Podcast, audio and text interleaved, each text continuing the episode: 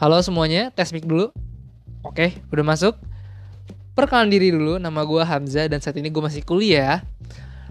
Di sini, gue buat podcast itu niatnya cuma mau mencurahkan isi hati gue yang udah kepenuhan dengan dunia persepak bolaan.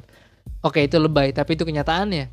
Mulut gue udah gatel banget dan saking gatelnya, ya ini gue buat podcast dan melegakan ya melegakan gue lah karena akhirnya gue bisa mencurahkan isi hati gue tentang persepak bolaan ke podcast ini dan ke kalian semua.